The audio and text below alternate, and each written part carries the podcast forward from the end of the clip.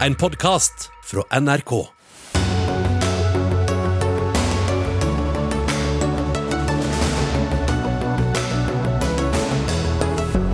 Aftenposten offentliggjør graderte dokumenter om norsk våpeneksport. Pinlig sak for regjeringen, sier SV-leder Audun Lysbakken, og krever en offentlig gransking. Illsinte fotballfans stormet Old Trafford i går i protest mot eierne, og to politifolk ble skadet. Jeg er fortsatt stolt United-fan, sier norsk supporter. Humanitær katastrofe for titusenvis av flyktninger på grensa mellom Mexico og USA. President Biden har et stort ansvar for det som skjer, mener Caritas Norge. Og Visit Innlandet inviterer til en annerledes pilegrimstur med shopping og besøk på spahotell. Pilegrimer skal møte en guddom, ikke markedskreftene, sier forfatter. Og dette er noen av sakene i dagens Dagsnytt 18, i studio Sigrid Solund. Flere enn 200 000 mennesker er drept i den seks år lange borgerkrigen i Jemen. Kan noen av dem ha blitt drept med norske våpen? I dag offentliggjør Aftenposten en sak om, uten, om at Utenriksdepartementet tillot omfattende norsk våpeneksport til De forente arabiske emirater i flere år. Det skjedde til tross for at FN-rapporter konkluderte med at Emiratene deltok i en krig i Jemen som begikk klare brudd på folkeretten. Tone Tveøy Strøm Gundersen, du er nyhetsredaktør i Aftenposten, og dere valgte altså å offentliggjøre et hemmeligstemplet dokument om norsk våpeneksport til Emiratene. Hva viser dette graderte dokumentet som vi ikke visste fra før av? Ja, det er jo kjent at det har vært sterk kritikk, eh, vært rettet sterk kritikk mot uh, våpeneksport uh, til Emiratene. Det dette dokumentet viser, er jo at UD også kjente til tvil om hvorvidt de våpnene ble brukt i krigen i Jemen. Og Det tenker jeg er såpass viktig informasjon og fortjener å bli debattert. så Det var jo også bakgrunnen for at vi valgte å publisere rapporten og lage journalistikk av rapporten. Utenriksdepartementet har sagt utad at norske våpen ikke er brukt i borgerkrigen i Jemen. Kan de si det nå? Ja, altså jeg, Det må jo de svare best for selv. Eh, jeg eh, mener at med vår journalistikk så viser vi frem at det har vært tvil og usikkerhet. Og det igjen gjør jo at man bør få en god debatt og også kunne få noen klarere svar på hva som har skjedd. Det er jo hovedhensikten vår med å publisere den journalistikken her. Og hva viser også disse dokumentene om at var talte for da, å, å, eksportere de norske våpnene, også når tvilen var såpass sterk? Nei, det, Jeg skal ikke gå inn og begi meg på å gjøre vurderinger av hva man har valgt, men det er jo åpenbart at man legger ulike interesser til grunn, da, som f.eks. Eh, industri, eh, som et viktig argument og en viktig begrunnelse. Altså våpen i norsk våpenindustri. Mm, mm. Mm. Gunvor Knag Fylkesnes, direktør for politikk og kommunikasjon i Redd Barna. Dere har vært klare lenge på at norsk våpeneksport til De forente arabiske emirater sannsynligvis er blitt en del av borgerkrigen i Jemen. Er dere nå sikrere i deres sak etter dette oppslaget? Ja, eh, det vil jeg si at eh, vi er. For det er jo så tydelig her at eh, denne avsløringa viser at UD hadde en klar mistanke om at norsk ammunisjon kunne bli brukt i krigen i Jemen, valgte til tross for det å eksportere til Emiratene. Ikke bare én gang, men flere ganger. Men, og er det motsatte av det vi har fått høre da, den siste tida, at uh, norske myndigheter har, uh, ikke har informasjon om at uh, norsk våpen er på avveie. Og vi får også høre gjentatte gang at Norge har et av de strengeste regelverkene i verden. Men en mistanke om at det kan skje, er vel ikke et bevis på at det faktisk har skjedd? Nei, så det er ingen her i studio i dag eh, som med hånda på hjertet kan si at ikke norsk våpen har blitt brukt eh, til å enten skade eller drepe sivile eh, eh, eller barn i Jemen. Og det kan vi ikke ha nå. Det må vi vite for sikkert at norsk våpen har blitt. Og Norsk regelverk er jo tydelig på at hvis det er en risiko for at norske våpen kan bli brukt i krigføring til å begå eh, brudd på humanitærretten, så skal man ikke eksportere. Så hvilke konsekvenser bør dette få, mener dere? Vi mener at umiddelbart at eventuell eksport til disse partene som kriger i Jemen, må fryses umiddelbart, mens at regelverket og praksisen gjennomgås og strammes inn. Uh, og så mener vi også at det er på høy tid at denne eksporten som har skjedd, tilsvarende 800 millioner norske kroner må granskes. Mm. Takk skal du ha, Gunvor Knag Fylkesnes. Vi skal slippe til politikerne her, men først til Tone Tvestrøm Gundersen. UD, altså Utenriksdepartementet, har reagert på at dere har offentliggjort dette graderte dokumentet. Hva svarer du til det? At uh, Vår oppgave er jo å vurdere informasjon og vurdere om det har offentlig interesse. Og så er det andres oppgave å forsøke å hemmeligstemple det, uh, ikke vår. sånn at når vi gjør en vurdering av den type innhold som vi får her, og finner at vi mener at innholdet har såpass stor offentlig interesse, så er det helt åpenbart at vi skal publisere det. Ine Eriksen Søreide, utenriksminister, vi skal til selve saken straks. Men mm, som sagt så sier du til Aftenposten at du ser veldig alvorlig på at informasjonen er kommet på avveie. Hvorfor er dette så alvorlig? Jeg kan jo naturlig nok ikke gå inn i de graderte dokumentene, men på generelt grunnlag så er jo det å bryte sikkerhetsloven med, ved å videreformidle eh, informasjon eller lekka eh, informasjon, det er alvorlig. Eh, og det er jo fra vår side veldig viktig å understreke at all denne informasjonen, denne graderte informasjonen, har jo selvsagt vært hos de som trenger informasjonen helt fra starten. Den har vært en del av Riksrevisjonens vurderinger. Vi har jo ment at det har vært viktig at Riksrevisjonen har alle de vurderingene som er gjort. Og den har vært en del av Stortingets informasjon helt siden Riksrevisjonen overlot den rapporten 2.2. Så jeg er nok kanskje litt overraska over at eh, den kritikken som kommer fra både Audun Lysbakken og Redd Barna kommer først nå.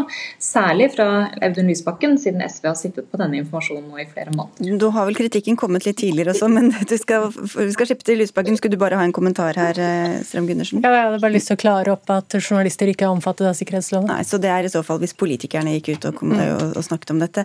Audun Lysbakken, leder av eh, SV og medlem av Stortingets utenriks- og forsvarskomité. Bare for å høre om deg også, da. Du sier også at du ser alvorlig på lekkasjen. Burde ikke Aftenposten ha publisert dette? Altså jeg forstår veldig godt at Aftenposten mener dette har offentlighetens interesse. Eh, og så mener jeg at vi som politikere vi skal følge loven, så jeg er ikke for uh, å gi ut gradert informasjon. Jeg er også kritisk til, og det er jo godt kjent de, burde de ha publisert eller ikke? Ja, Som det nettopp ble klarert, så er jo det ikke et spørsmål uh, om hva Aftenposten har gjort. At Aftenposten publiserer uh, informasjon de mener er relevant, det, det, er det ikke min oppgave å kritisere. og Dette er av, i offentlighetens interesse. Og Så mener SV at dette er en sak som det burde være åpenhet om, men det er òg heldigvis en diskusjon vi kan ha en helt åpen debatt om. Fordi det utenriksministeren prøvde å antyde her, nemlig at kritikken fra oss kommer først nå, det er jo en Eh, en ganske heftig påstand, for denne debatten har jeg og utenriksministeren hatt gjennom mange år, og hun vet veldig godt at vi har vært kritiske, så nå skal vi snakke om det. Og jeg kunne sagt akkurat det samme om du hadde spurt meg om det på fredag. Men Søreide, hvorfor kan dere ikke heller offentliggjøre disse dokumentene, slik både Riksrevisjonen, Stortinget og mange andre har bedt om? Ja, som sagt så kan jeg jo ikke gå inn i vurderingene, men realiteten er jo at hovedessensen, kritikken og konklusjonene fra Riksrevisjonen, som baserer seg bl.a. på alle de dokumentene vi har gitt til Riksrevisjonen, den er offentlig. Den framkommer i kapittel 11.4 i den eh, rapporten Riksrevisjonen har levert til Stortinget. Og den er selvfølgelig gjenstand for offentlig diskusjon og debatt. Og den er grunnlag for den behandlinga Stortinget skal gjøre, og den diskusjonen og debatten vi skal ha i Stortinget. Og den debatten er det, som Audun Lysbakken helt riktig sier, Eh, noe vi har hatt mange ganger. Vi har jo hatt denne diskusjonen jevnlig flere ganger i året. Og En av årsakene til det er jo at jeg som fersk utenriksminister i desember 2017 beslutta at vi skulle stramme inn eh, på eksporten av forsvarsmateriell til De forente arabiske emirater. Og Det betyr at det har ikke blitt eksportert våpen eller ammunisjon til Emiratene siden desember 2017. Men det har blitt gjort det i årene i forkant, og da lurer jeg på har norske våpen havnet i Jemen? Det jeg har vært veldig tydelig på i diskusjonene både i Stortinget og i offentligheten, er at det ikke foreligger informasjon som tilsier at norske våpen eh, og ammunisjon er brukt i krigen i Jemen. Dette er noe vi tar på stort alvor. og Jeg og Audun Lysbakken er helt enige om at eh, norske våpen, eller andre våpen for den del, ikke skal brukes i krigen i Jemen. Og Det er jo en av grunnene til at jeg tok den beslutninga om å være føre var, da situasjonen ble veldig uoversiktlig. Men så eh, er det jo det er også viktig å understreke her at når vi har fått varsler om at det kan være indikasjoner på at norsk materiell skulle være brukt. Så har vi gjort grundige undersøkelser av det, bl.a. i januar 2018, da en enkeltperson kom med informasjon der han mente at norsk ammunisjon kunne være brukt. Vi hadde diskusjoner og samtaler med denne personen. Han kunne ikke fremlegge dokumentasjon.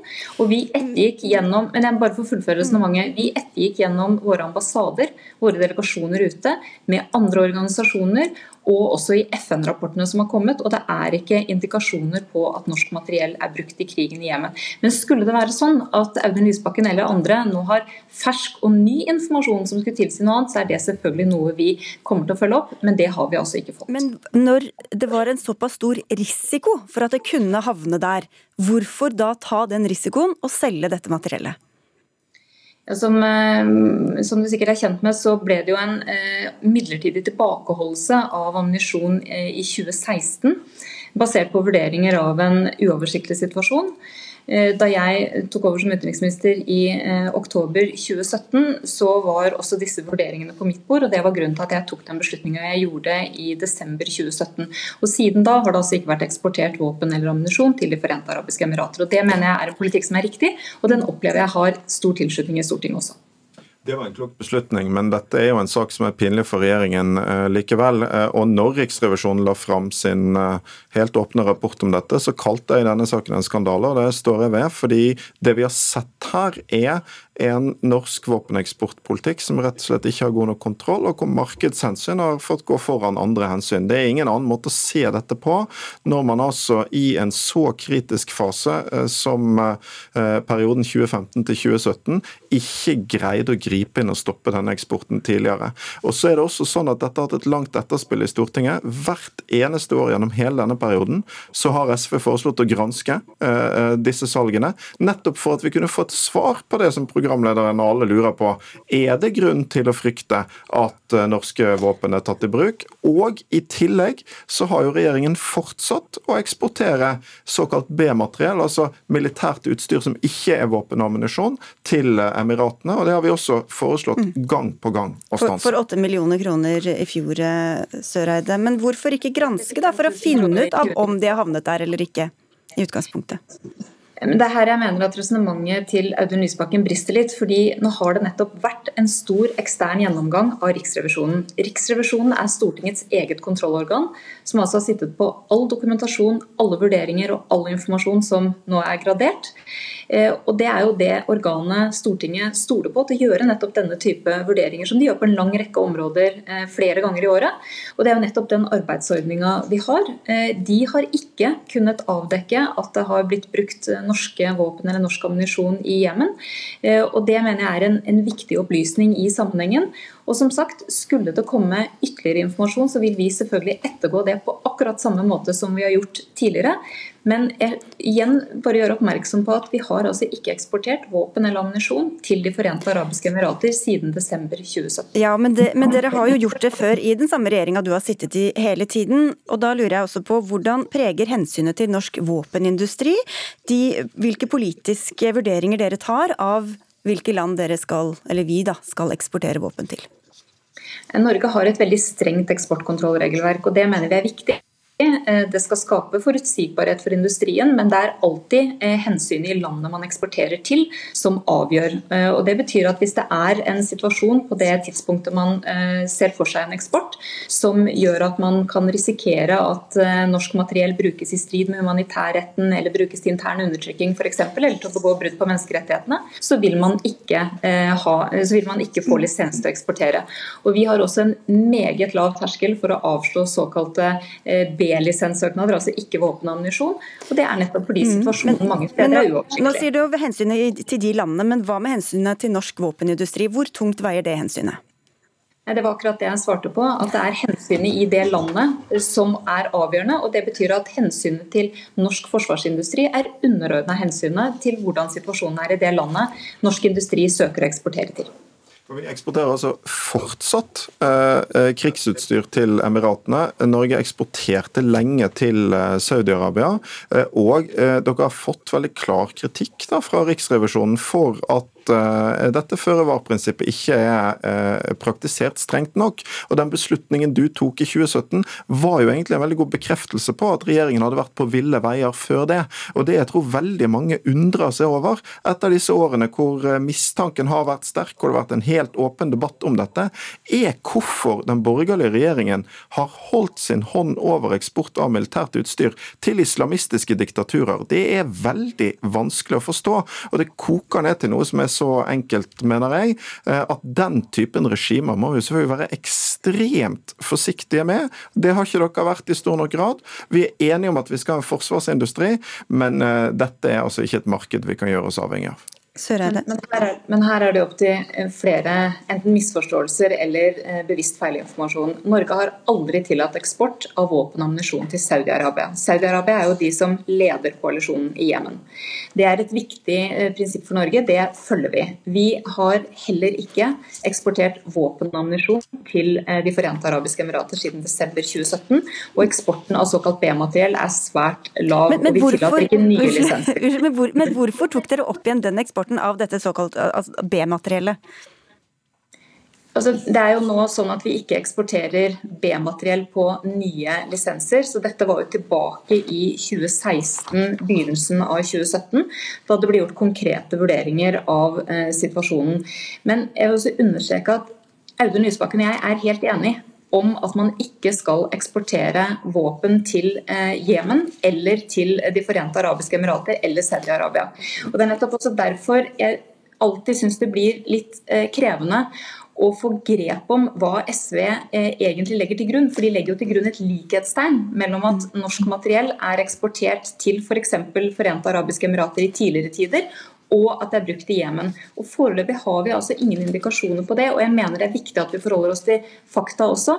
Eh, og Vi undersøker alle påstander som kommer om slik bruk, og vi har altså til nå ikke funnet eh, dokumentasjon på det. Men altså, Utenriksministeren snakker seg bort ved å gjenta de samme punktene hele tiden. Det er et faktum at det har blitt uh, eksportert krigsutstyr til Saudi-Arabia tidligere. Det er et faktum at det fortsatt skjer til Emiratene. Og alle er enige om både at denne krigen er totalt uakseptabel, som de har ført der, og at dette er undertrykkende regimer.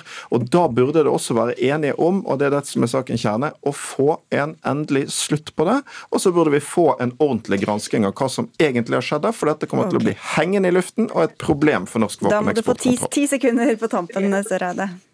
Men Audun Lysbakken, det var jo din regjering som åpna for eksport av eh, våpen og ammunisjon til De forente arabiske emirater i 2009. Og det var jo ikke et mindre eh, problematisk regime på det tidspunktet. Jeg diskuterer gjerne disse sakene når vi skal ha debatten i Stortinget, eh, og jeg gjør det også gjerne ellers. Eh, og vi kommer også med vår vanlige årlige melding om eksporten av forsvarsmateriell året før. Da sier vi tusen takk til alle dere, Ine Eriksen Søreide, Gunvor Knag Fylkesnes, Audun Lysbakken og Tone Tveøstrøm Gundersen. Og så spør vi deg deg, Sigurd Falkenberg Mikkelsen, utenrikssjef her i NRK. Du har fulgt konflikten i Jemen lenge. Hvor vanskelig er denne saken her for eh, den norske regjeringa?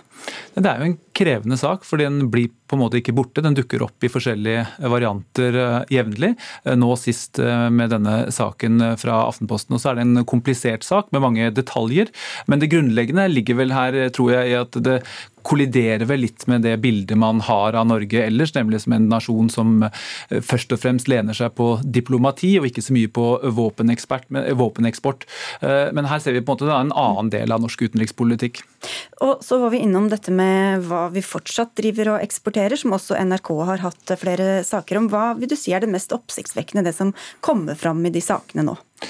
Altså, eh, mye av grunnlaget her er jo offentlig kjent, og det er den riksrevisjonsrapporten. og De har en veldig tydelig eh, kritikk av eh, norske myndigheter her. Både for beslutningsgrunnlaget, at det har vært for svakt, og også at det er da mistanke om videreeksport. At den har ligget der som i, og vært en del av vurderingsgrunnlaget. Der ligger jo mye av stridens kjerne. og Så vet jo fortsatt ingen om det har blitt eksportert våpen eller, eller ikke, men det henger altså en usikkerhet over, over problemstillingen. Det, og så denne sammenstillingen av, som ligger implisitt i at man kan eksportere våpen til vennligsinnede land. Og det er vel da litt uenighet hvorvidt man kan innebefatte Emiratene i den type, den type resonnement. Men hvorfor er det så vanskelig å finne ut hvor våpnene havner til slutt?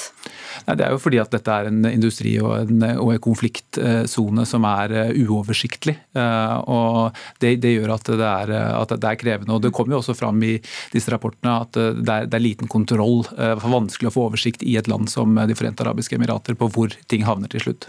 Hvordan forholder andre land seg til dette? da? Denne debatten er veldig gjenkjennelig. Vi finner den i de aller fleste vestlige land har varianter av denne debatten. og En av grunnene er nok at De forente arabiske emirater er, var i en periode fra 2015 til 2019 verdens åttende største importør av militært materiell.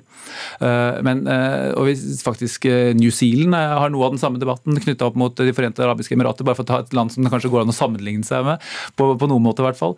Mens mye av den store internasjonale politikken dreier seg om våpensalg til Saudi-Arabia, som er mye mer betent. Det gikk rett inn i den amerikanske valgkampen. Joe Biden lovte å trekke amerikanerne ut av den type våpensalg, har gjort det nå, men vi ser at det begynner å bli litt kritikk også blant demokratene for at ikke dette går fort nok. Britene fortsetter å selge til Saudi-Arabia. så dette er, en, dette er, en, veldig betent politisk uh, debatt i veldig mange uh, europeiske og vestlige land. Takk skal du ha, Sigurd Falkenberg Mikkelsen, men vi skal holde oss utenriks i neste sak også.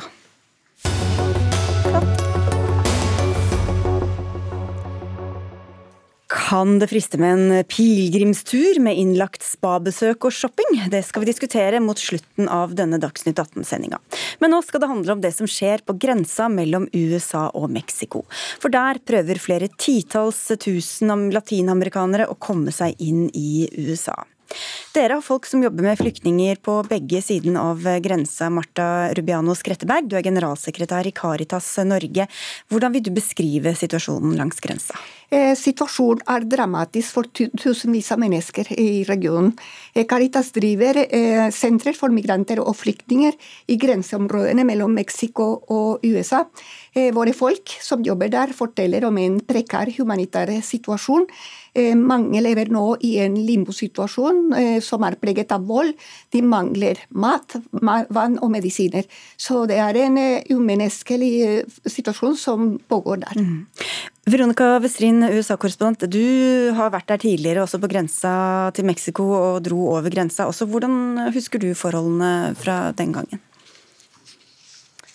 Jeg var der eh, høsten for ett og et halvt år siden, like etter at eh, Trump hadde innført en ny eh, politikk her, Remain in Mexico, som gjorde at alle asylsøkere som kom gjennom Mexico til USA, ble sendt tilbake til Mexico, måtte vente der for å få behandla asylsøknaden sin.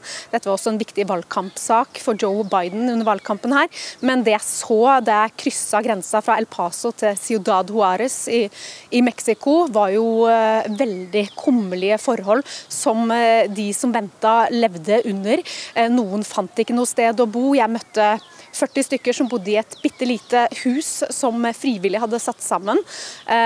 hvor eh, de fikk servert litt mat, måtte jobbe litt for, for å få det, og hvor, hvor, de bodde tett, tett sammen og ikke hadde noen penger. Etter hvert så begynte de også å bygge noen slags asylmottak i Mexico. Jeg vet ikke hvor, hvor, hvordan den prosessen gikk videre. Men, eh, men, dette var også da i en av verdens farligste byer. En av disse byene som blir omtalt ofte som, som nord på grensen eh, til USA, hvor, hvor, det var da 100 drap i måneden. Så, så det var veldig trist å se hvordan de hadde det der. Men etter dette så har det jo da kommet en ny president eh, i USA, Skretteberg. Hvorfor er det så mange som har kommet etter at Joe Biden tok over? Ja, Da Biden tiltrådte i januar, annonserte han en oppmyking av Trumps eh, flyktningpolitikk. Eh, og dette er nok del av årsaken til at mange valgte eh, å reise. Men det er bare en del av forklaringen. Hovedårsakene til at mange forlater hjemlandet sine, er at det er stor fattigdom, at det er forfølgelse og matmangel i regionen. Så det er veldig viktig å ta det i betraktning. Mm. Men han skulle myke opp, men hva har skjedd da? Situasjonen har blitt mye verre, og Biden har gått tilbake på det han lovte. Han lovte å ta imot 125 000 det første året av hans administrasjon. 62 500 per år i gjennomsnitt. Eh, og virkeligheten er at han har gått tilbake til 15 000 eh, i året. Og det siste tallet eh, kommer sannsynligvis til å bli oppjustert i mai. Men denne usikkerheten skarper mye frustrasjon for tusenvis av mennesker som befinner seg i en sårbar situasjon mm. ved grenseområdet mellom Mexico og USA. Hva slags politisk sak har dette vært i USA de siste månedene, Veronica? Det har vært mye debatt eh, om dette her, eh, og Joe Biden har jo fått mye kritikk, eh, særlig for at barn har blitt holdt på grensa når de har kommet over til USA. Det skal være noe bedring i den praksisen nå, men det er klart at hans motstandere har brukt denne saken. Sjøl har han ikke villet omtale noen krise på, på grensa, men, men har etter hvert begynt å snakke noe om det i det siste.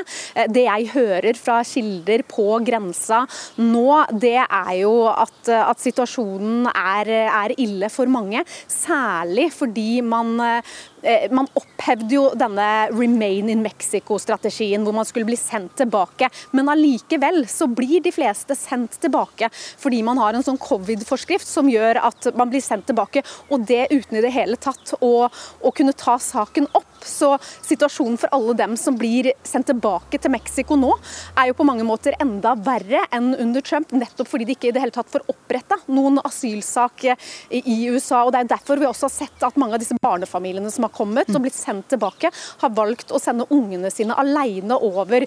For der har Biden gjort det til at hvis du kommer som mindre, mindreårig asylsøker, da, så har du noen andre rettigheter eh, og ikke blir sendt tilbake. Men jeg hører jo også da fra de på grensa at man nå har begynt å ta tilbake noen av alle de som jeg møtte og som satt og venta på å få behandla asylsøknaden sin. At man nå har begynt å ta imot noen, sendt de over til USA. De går gjennom et testregime og kommer tilbake til USA, får lov til å vente her, slik som Biden lova under valgkampen. Men, men det de mine kilder på grensa forteller, er jo at, at, de synes at situasjonen er kritisk, og de hadde forventa at Biden gjorde mer. Men denne covid-forskriften gjør altså at han i praksis har videreført Trumps politikk. Mm. Også det internasjonale samfunnet, Norge inkludert, Skretteberg. Hva, hva kunne, kunne andre land ha gjort?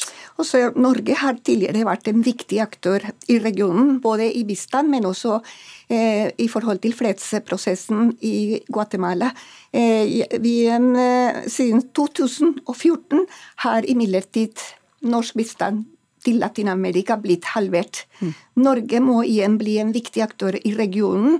Eh, Norge har stor kompetanse på fred og forsoning, f.eks. For eh, jordbruk, matsikkerhet er de, eh, blant de eh, store satsinger Norge har på bistandspolitikken, så det er ekstremt viktig å ta tak i dette.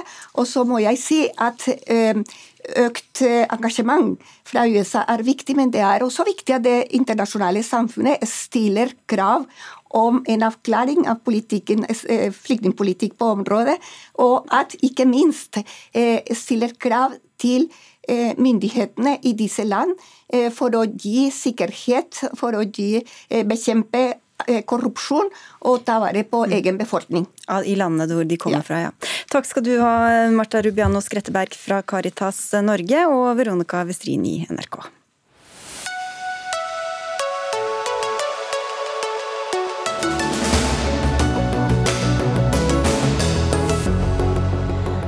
Er snart tid for sommerskole rundt omkring i landet. I disse dager sitter mange kommuner og finsliper på gratiskursene som tilbys elever i grunnskolen i noen av sommerferieukene. I Trondheim foreslo Høyre at en tredel av pengene som brukes på sommerskolen skal gå til ordinære skolefag som norsk, engelsk og matte. Men Forslaget ble nedstemt, skriver Adresseavisen, bl.a. av dere, Sara Shafigi. Du er politiker for Arbeiderpartiet og nestleder i oppvekstkomiteen i Trondheim kommune. Hvorfor var ikke dette noen god idé fra Høyre, mener du? Det, det Arbeiderpartiet ønska for barn og unge i Trondheim, eh, det var en sosial, praktisk og lærerik sommerskole i ferien. Og alle er jo enige i at basisfagene som du nevner nå, er viktige Så det oppleves egentlig mest som at Høyre slår inn åpne dører når de prøver å øremerke en sum til noe som allerede er godt ivaretatt. Det blir matte, norsk matte og engelsk med også vårt forslag, eh, som forresten fikk et overveldende flertall i formannskapet her i Trondheim. Eh, og viktigst av alt for vår del så er at det skal være gøy og praktisk. Eh, særlig etter et krevende skoleår eh, så er det viktig at eh, sommerskolen da, blir eh, en skikkelig mestringsarena fylt med lek og læring. Ok, Stortingsrepresentant for Høyre Mari Holm Lønseth, dere slår inn åpne dører her, eh, hører vi. Er det egentlig noe forskjell på hva dere ønsker dere for sommerskolen? Nei, her må jeg si at det overrasker meg veldig. Nå har jo Arbeiderpartiet i Trondheim brukt flere møter også på å argumentere mot vårt forslag om å ha mer grunnleggende ferdigheter i sommerskolen, eh, og har brukt også mye tid på det. Vi har jo sagt at noe av de største utfordringene vi ser etter koronapandemien, er jo bekymringa vi har for kunnskapshull. Vi må gjøre alt vi kan for å tette de kunnskapshullene. og Da må vi også ha god faglige kvalitet, også mye faglighet også i sommerskolen som kommer. Når Arbeiderpartiet sier at det er å slå inn åpne dører, så stemmer jo ikke det. Tvert imot så stemmer de jo mot det forslaget. Ja, hvis dere egentlig var enige, jeg skjønte ikke helt, eh, Shafigi, hvorfor stemte dere mot det da? Nå frøys vi deg, skal vi se, eller du ble borte litt. Vi, vi prøv... ja. ja. Herlig teknologi. Ja. Høyre, nå foreslår Høyre å bruke en tredjedel av pengene til et opplegg som eh, jeg veldig har, har lyst til at Mari skal eh, forklare til meg. Eh, hvordan skal de få det her til å fungere i praksis en og en halv måned før sommeren er her? Eh, et opplegg som ikke er forankra hos lærerorganisasjonene, som ikke har vært et utstrakt ønske fra lærerne, foresatte eller elevene sjøl. Eh, derimot så vet vi at i Trondheim så har pandemien gått hardt utover de praktisk-estetiske fagene. Eller på godt norsk kroppsøving, eh, mat og helse, sløyd osv. Eh, og en ting til som vi la inn i vårt helhetlige forslag, for å nevne det, er jo kompetansekravene i svømmeopplæringa, hvor vi ønsker å prioritere det livsviktige kompetansekravet som svømming faktisk er. Altså, nå kommer det jo egentlig klart frem at Arbeiderpartiet ikke er for det forslaget om å sikre at man skal ha grunnleggende ferdigheter. Tvert imot. Jeg synes det er ganske spesielt egentlig av Shafigi å mene at vi slår inn, slår inn åpne dører. Jeg hadde gitt henne rett hvis det var sånn at Arbeiderpartiet hadde presentert en konkret plan for at alle elever som trenger det, får den undervisninga de trenger. Men det har ikke Arbeiderpartiet gjort, verken når det kommer til skolen eller sommerskolen for øvrig. Men rent praktisk, så eh, mener jeg jo at det er fullt mulig å få til det her. Oslo har klart det ti år på rad, eh, også mer. Det er fullt mulig for Trondheim. Hvis vi hadde satt oss ned nå og hadde en konkret ambisjon, f.eks. gått i bred dialog med dyktige lærerstudenter på NTNU, med lærerne vi allerede har, så mener jeg at dette ville ha vært fullt mulig å få til. Men det sier jo litt om ambisjonsnivået til Arbeiderpartiet, når man egentlig slår seg på brystet og sier at de her 28 millioner kronene, det har vi ikke tid til å få men, på plass på en og en måned likevel. Altså, du, du sa at eh, man skal fylle de kunnskapshullene. Sommerskolen er jo frivillig. Hvordan kan man da basere seg på at elevene der skal måtte lære ting de egentlig skulle lære på skolen? Vi må jo sørge for at også skolen er god nok til å fange opp, men for dem som trenger litt ekstra påfyll, så må vi også gjøre det så ja, men lærerikt. De som henger bak i matte, de vil velge seg til mattekurs eh, på sommerskolen? Ja, jeg mener at hvis vi klarer å skape et motiverende tilbud sammen med lærerstudentene, med lærerne, så er det fullt mulig også å få elevene til å velge det. Eh, og jeg tror kanskje det er spesielt motiverende for de elevene som kanskje ikke opplever så mye mestring til vanlig, at de får et godt, variert tilbud eh, med kanskje en litt annen måte å lære på. Og det har man muligheten til gjennom sommerskolen, men da må man også prioritere. Ja, men for, Shafigi, er det det at du, du, for du sa det skulle jo være grunnleggende ferdigheter og fokus på det i sommerskolen, men er det bare det at du ikke vil tallfeste det, eller hvor ligger egentlig uenighetene her? Absolutt. Eh, hvis eh, basisfagene er viktige for Høyre, så bør de egentlig være fornøyd med det forslaget som er vedtatt. Eh, for Bruker vi hele den totale potten på et variert tilbud, så får jo vi det som Mari Lønseth ønsker her nå. Man får matte, naturfag, norsk gjennom naturfageksperiment, matteeksperiment i science camp, mm. koding, musikk, og barn og unge får muligheten til å bryne seg på det aller meste. Så jeg skjønner ikke hvor misnøyen kommer fra, for nå får ungdommene et mangfoldig tilbud. Eh, sammen med familien sin og foreldrene sine, så kan de sitte og velge og vrake det de har lyst til å bryne seg på. Det er frivillig, som du sier her nå. Eh, og så må jeg få lov til å legge til at Høyre sitt eget samarbeidsparti, kunnskapsministeren sitt parti, stemte for Arbeiderpartiet sitt forslag også. Det har en kjempestor forankring i byen. Det blir basisfag, det blir idrett, det blir okay. kultur, og det blir et rekordbra sommerskoletilbud. Ja, Det blir nok forhåpentligvis et rekordbra sommerskoletilbud. Det skulle bare mangle når man også har fått 28 millioner kroner også servert fra staten. Så du har tro på at de greier det likevel, da, Jeg har trua på at f.eks. Science Camp, som Sara Shafigi nevner, det tror jeg at kommer til å bli kjempebra. Men som å trekke frem, så er det mye matte og det er mye naturfag. Men hva med dem som trenger litt ekstra oppfølging i norsk? Og ville ikke også tilbudet ha vært bedre hvis vi faktisk også hadde hatt lærerstudenter og lærere som hadde satt seg på å legge opp et kjempebra faglig opplegg, i motsetning til det vi får nå, som jeg dessverre er bekymra for at blir mer en oppbevaringsinstitusjon heller enn nødvendigvis en god kunnskapsskole for dem Vi får se om det blir noe sommerskole i det hele tatt, tenker jeg. Vi sier først takk skal dere ha i hvert fall eh, begge to. Mari Holm Lønseth fra Høyre og Sara Shafigi fra Arbeiderpartiet.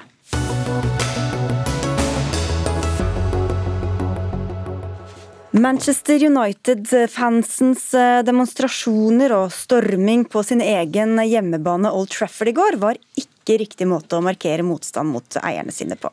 Det sier James Cleverley, statsråd i den britiske regjeringa, dagen derpå. Scenene der illsinte fotballfans stormet banen har gått verden rundt. Kampen mellom Manchester United og Liverpool måtte utsettes som følge av at tusenvis av United-supportere samlet seg for å demonstrere mot klubbens eiere, Glazer-familien. To politimenn ble skadet i opptøyene. Dag Langerød, du er ansvarlig redaktør for Manchester Uniteds skandinaviske supporterklubb. Du skriver at du er en stolt United-supporter dagen etter at dette skjedde. Hvorfor gjorde denne protesten deg stolt? Ja, Det hørtes brutalt ut etter den introen der, sånn, men uh, dette handler jo om at uh, vi har noen eiere som har utnytta Manchester United nå i 16 år. Uh, dratt nesten 20 milliarder kroner ut av klubben og aldri brydd seg om supporterne. Og for to uker siden, som vi vel også har vært opptatt av her i studio, så forsøkte de å lage en superliga som ville tatt livet av fotballen slik vi kjenner den, og det var dråpen som fikk begeret til å renne over for oss. da. Og nå handler det ikke da for oss bare om å kvitte oss med Glazers, det handler faktisk om på en måte å redde engelsk fotball. Og der følte jeg at United-supporterne, med det som skjedde i går, satte en klar standard for på en måte hvordan det skal være. da. Så Derfor så er jeg stolt over at vi gikk foran. Vi må snakke litt mer om innholdet i det begeret du nevner, men vi skal til Manchester først. Og til deg, Øyvind Nyborg. Hvordan er situasjonen i byen dagen etter disse protestene? Ja, Det er eh, slags dagen derpå her. Eh, Det er klart at eh, det dårlige været gjør kanskje sitt til at det er få ute.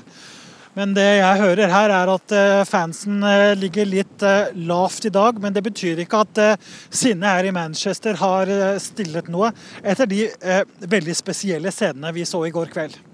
Er, får de støtte fra folk stort sett, eller? Altså de som storma? Ja, det, det kan virke sånn, fordi eh, det er ikke eh, hvem som helst som nå gjør opprør. Selv om det ikke er hele klubben, så er det jo en kjerne av folk med sesongkort. Eh, lojale folk som pleier å, dra på alle bortekamper. Eh, dette er folk som har drevet en organisert kampanje mot de amerikanske eierne eh, helt tilbake til i alle fall 2010, og kanskje også uh, før det. Og de har lenge vært lei av at amerikanerne ikke putter mer penger inn i uh, i klubben til bl.a. å ruste den opp, men også å kjøpe flere spillere. I stedet har de bare sett at gjelda har økt, og at pengene går til eierne de, i utbytte og ikke til nye spillere. Og Det er bl.a. noe av det som gjør at dette som vi nå ser i, i britisk fotball, som kan ligne litt på en revolusjon, stikker så dypt.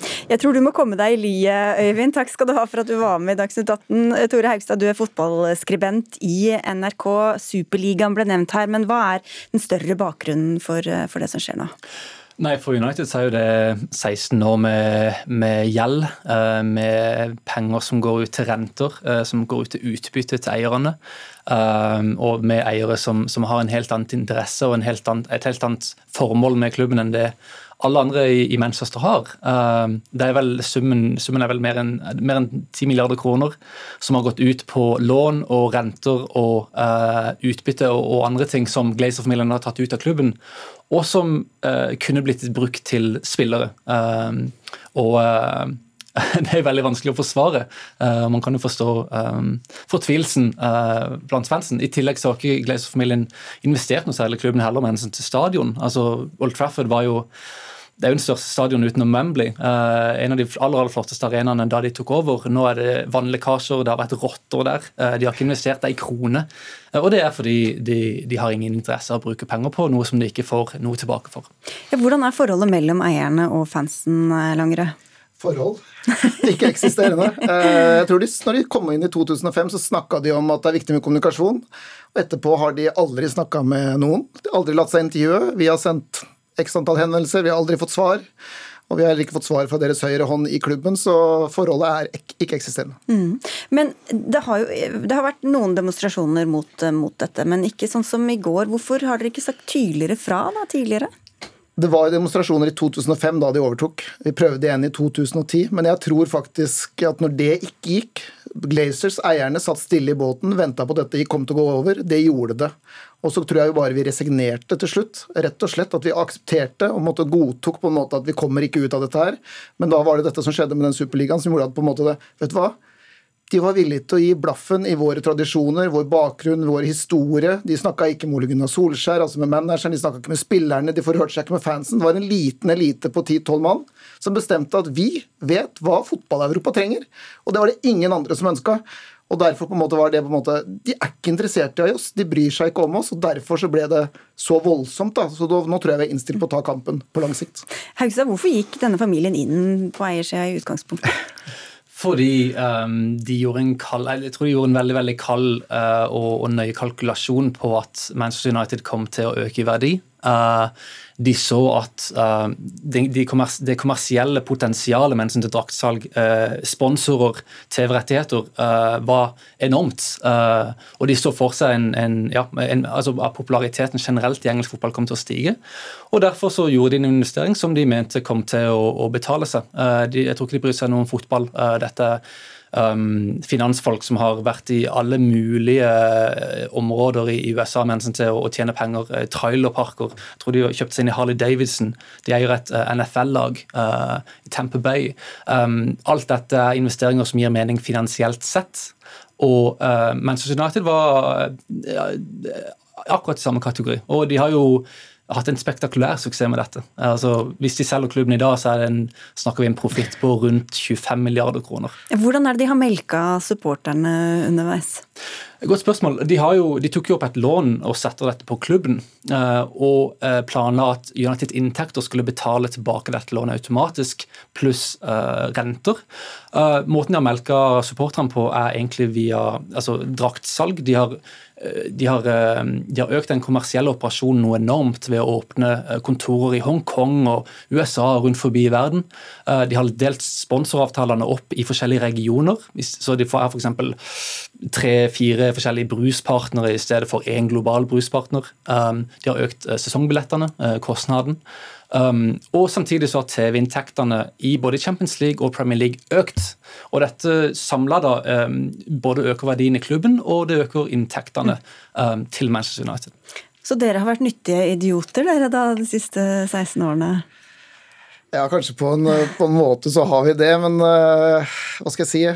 Det viktige her nå er hva vi kan få til fremover. Da. Det er det jeg er opptatt av. Hva er det vi, vi kan oppnå? Og da er det én ting er protestene vi driver med nå utenfor Old Trafford. Det er jo et signal til både Glazers, men også til britiske myndigheter. Og det jeg håper på på sikt her, det er jo kanskje at vi får noen endringer som gjør at vi supportere får innflytelse på en eller annen måte da, som gjør at disse få 10-12-14 menneskene i Europa ikke kan sitte og bestemme for hvordan fotballverden skal bli om x antall år.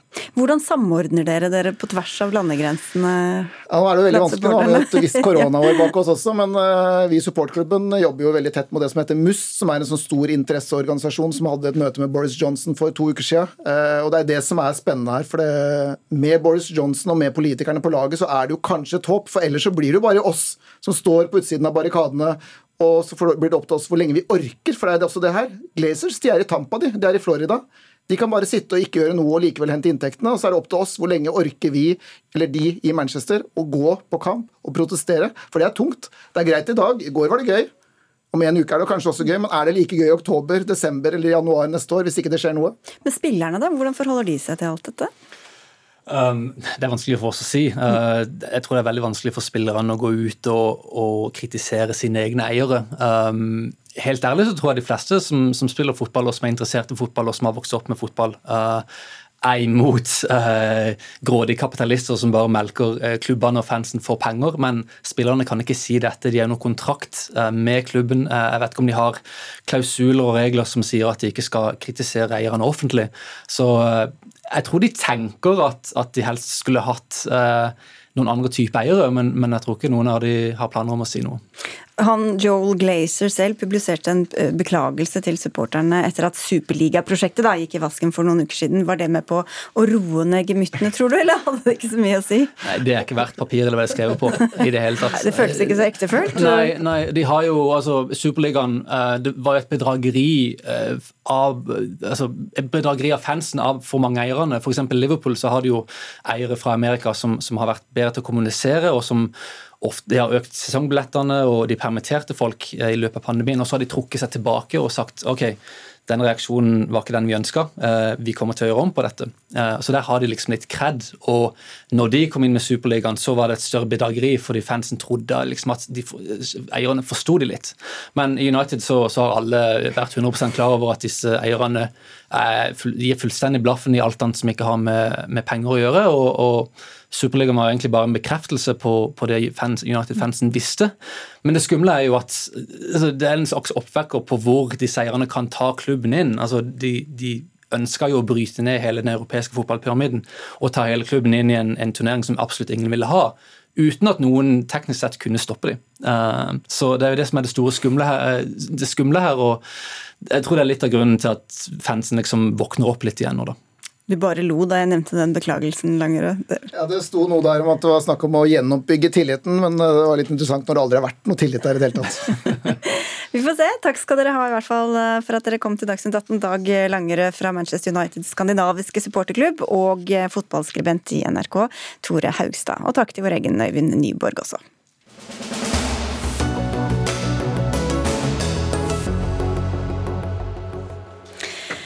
Tror du at all pilegrimsvandring går ut på å traske mil etter mil uten mobiltelefon eller noen form for luksus?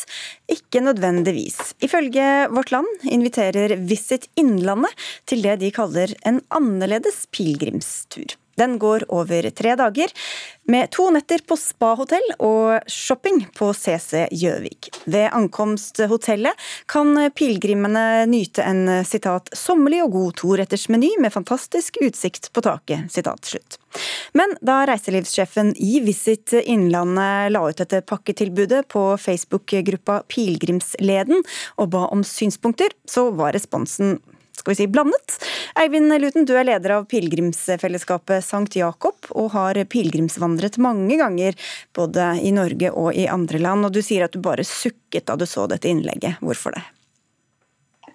Ja, nei, ja, jeg sukket, og så tenker jeg at uh, dette er jo forflate noe som ennå holder på å utvikle. Også dette med pilegrimsvandring i Norge er helt nytt.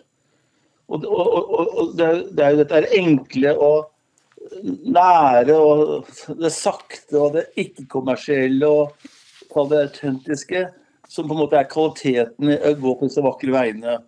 Og da mener jeg at eh, hotellopphold og spa, det er noe helt annet. Reiselivssjef Arne Jørgen Skurdal, det var litt av en prøveballong du la ut eh, på denne Facebook-siden. Hva sier du til kritikken om at dette ikke har noe som helst med pilegrimsvandring å gjøre? Det var nok heller ikke utgangspunktet vårt når vi laga pakken at dette her skulle være en sånn typisk pilegrimstur. Altså det vi har prøvd å si, at det er en vandring eh, langs eh, pilegrimsleden. Eh, kombinert da med hotell og skibladnertur og ja, en vandring da fra Kapp til Gjøvik. Men hvorfor blande inn pilegrimsbegrepet i det hele tatt, da? Altså Det er langs leden man uh, går, og da er det naturlig å fortelle det. Det er jo en godt tilrettelagt sti, og det oppdaga vi jo da under pandemien i fjor. fjor vår, hvor alle egentlig folkevandra til den fine leden som går ifra Kapp til Gjøvik. da. Eh, og Da tenkte jeg, ønska vi også å lage et uh, reiselivsprodukt ut av det. da. Mm. Luten, det er jo ikke alle som har mange uker til å gå eller helse til å gjøre det. Hvorfor ikke ha litt ulike tilbud også til dem som kanskje har litt mindre tid og litt mer ønske om behagelige hotellsenger? Ja, ja, altså for all del. Altså, dette handler ikke om avstander. Det handler om en kultur. Og eh, når man har fått en sånn enorm suksess på dette i Europa, i Portugal, Spania, Frankrike, Italia, så er det nettopp fordi man tar pilen på alvor og, og bruker noen av de begrepene jeg sier. Men i Norge så skal vi tjene som vanlig skal vi begynne med å tjene penger på ting. Og, og dette jeg hører nå, det, nå var jo dette veldig moderat uh, fremstilling av, av uh, turistsjefen, men men, jeg synes liksom at kan ikke frede pilegrimen, altså la den få utvikle seg stille og rolig. For det er så nytt, og, og det har holdt kunstig i live. Uh, vi som jobber med dette ideelt, jeg har holdt på med dette i 25 år. Uh, vi er jo ikke involvert i dette her på noen som helst vis. De vil ikke ha noe med oss å gjøre. Og jeg synes at Dette er så vakkert og så fint, og det spiller på verdier som ikke hotelldriften eller hotellnæringen turistnæringen kan by på. Mm. Du skal få svare, Skuland, men vi skal få inn en tredjeperson her også. Johanna mm, Sjankowska, du er forfatter av boka 'En flyktig frihet', med undertittelen 'Veien til Santiago de Compostela'. Hva er positivt eller negativt ved å endre på konseptet, sånn som vi hører her, og gjøre det hele litt mer behagelig og kommersielt? Ja, ikke sant? Det er et godt spørsmål. Eh, med en gang man gjør pilegrimsreisene mer behagelige, så blir de også mer tilgjengelige, kanskje for folk som er eldre eller syke og sånne ting. Eh, samtidig så er jo dette et dyrt produkt altså kanskje, som ikke alle har råd til. Så, så, eh, så det er jo noen som faller utenfor målgruppen også. Men pilegrimsvandringen, var den så asketisk nødvendigvis i utgangspunktet? Det var den ikke.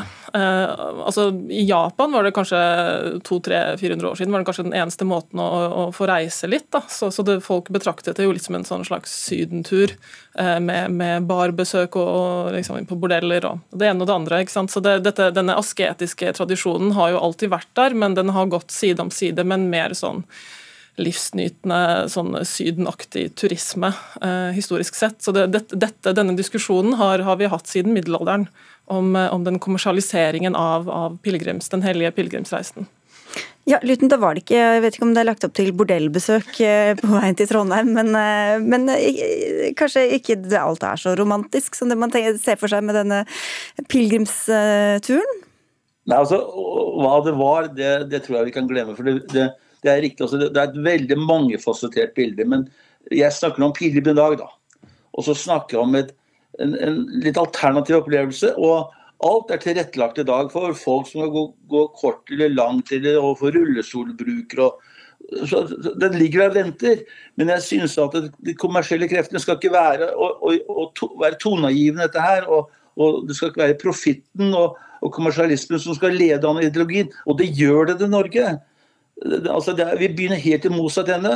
Og Hvis man tar en tur og har litt erfaring fra det europeiske pilegrimsvernet, ja, det er et mangefasettert og flott. Og det fungerer fordi man har hatt en viss ideologi. Den har aldri sluppet til i Norge.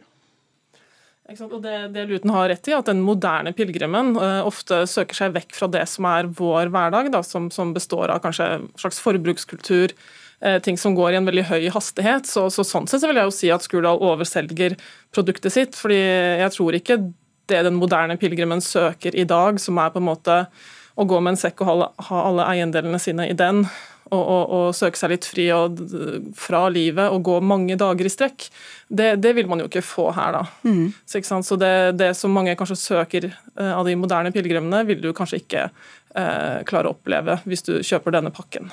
Ja, Skurdal? Jeg er jo ikke uenig i noen av talerne. Eh, vi har eh, laga denne pakka, eh, og vi opplever egentlig at det er mange som ønsker også å kjøpe den. Jeg tror det kan også være med å skape nysgjerrighet i forhold til eh, pilegrimsleden, eh, og kanskje få andre til å gå andre deler av leden. Og det handler litt om eh, produktutvikling. Da. Altså, vi har jo sett andre reiselivsprodukter. Ta Birkebeinerrennet. De starta som et 80 km langt skiløp og er i dag videreutvikla til mange ulike deler igjen. Eh, men eh, jeg tror igjen da, at hvis vi skal nå mm, målet som langtidsplan i forhold til pilegrimssatsinga i Norge, eh, den sier jo noe om hvordan veien skal gå fram til 2037. Og Der sier man at man skal satse på økt næringsutvikling og økt samarbeid med de kommersielle aktørene. Da. Men du, du, sier jo selv også at dette tilbudet er ment for verdiskapning. Hvorfor skal pilegrimer bidra til verdiskapning? Det ligger jo i en av de fire grunnpilarene til pilegrimssatsingen i Norge at man skal jobbe med næringsutvikling. Eh, og da må man eh, tørre å kommersialisere det uten at det går på bekostning av liksom de andre grunnpilarene. Da. Å lage verdi, skape verdier lokalt, eh, Sjakowska. Ja, altså, Jeg vet ikke om uh, pilegrimene selv bryr seg om denne, denne satsingen. Uh, fordi uh, Jeg visste altså, ikke at vi hadde en egen pilegrimssatsing, jeg må innrømme det. at Det var en overraskelse for meg. Ikke sant, men jeg tenker at det en av de tingene jeg og mange andre med meg har, lærer underveis. ikke sant, Når du må bære alle eiendelene dine på ryggen og gå kanskje 800 km, er på en måte hvor lite vi faktisk trenger. Og, Det er jo en slags korrektiv nettopp til en sånn forbrukskultur hvor man kjøper nye ting hele tiden og drar på shopping på Sisi Gjøvik. At det, det, høres nesten litt ut som en vits, ikke sant? fordi det man nettopp lærer av å være pilegrim, er jo å shoppe mindre, eh, bruke mindre penger ikke sant? Og, og se eh, at det går an å leve et enklere liv. Men eh, Luten, hva, hvordan ser du på det da, når du er ute og går på pilegrimsturen, og så kommer det noen eh, som nettopp har vært på restaurant eller vært og shoppa på SIS i Gjøvik, eh, og så kommer inn på stien din? Det er altså, kjære deg, altså det er noe man lærer ved å være pilegrim, håper jeg det er å være raus, for all del. Men eh, jeg hører jo det at, det, at pilegrimsaken har blitt et produkt. Vi er ikke et produkt. Vi er et innhold. Vi er et alternativ. Og, og det som eh, også sies fra min kollega her, også at vi, vi vil noe annet. Og, og, det som nå satses uh, kommersielt, det er med å ødelegge hele produktet. Skal Norge fremstå med mindre troverdighet og bedre forståelse av Pimsaken enn i Europa?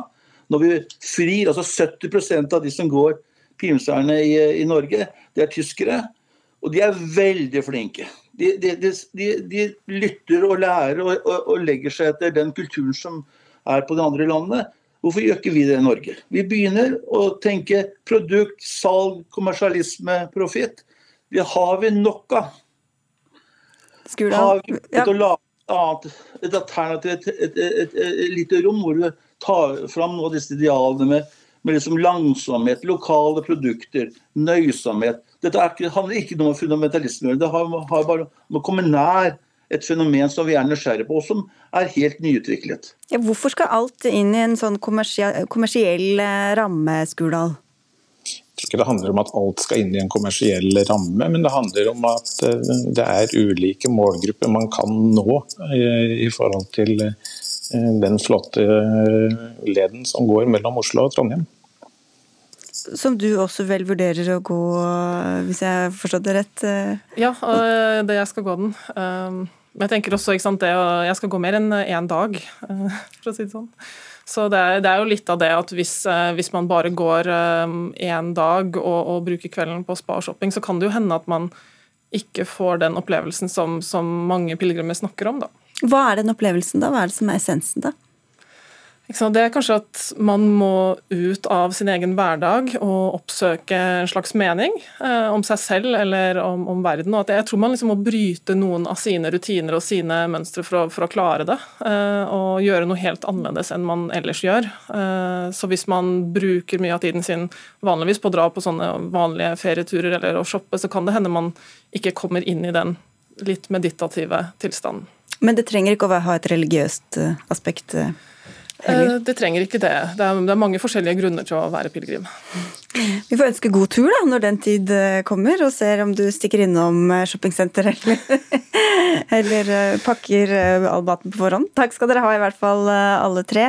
Johanna Sjankowska, som har skrevet boka En flyktig frihet.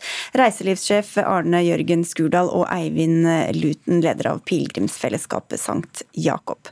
Dagsnytt 18 er ved veis ende. Det var Anne Katrine Førli som hadde ansvaret for innholdet i sendingen. Hilde Tosterud hadde det tekniske ansvaret. Mitt navn er Sigrid Solund, og vi høres og ses igjen i morgen.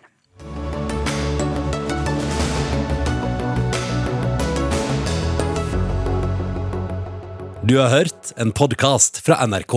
Hør flere podkaster og din favorittkanal i appen NRK Radio.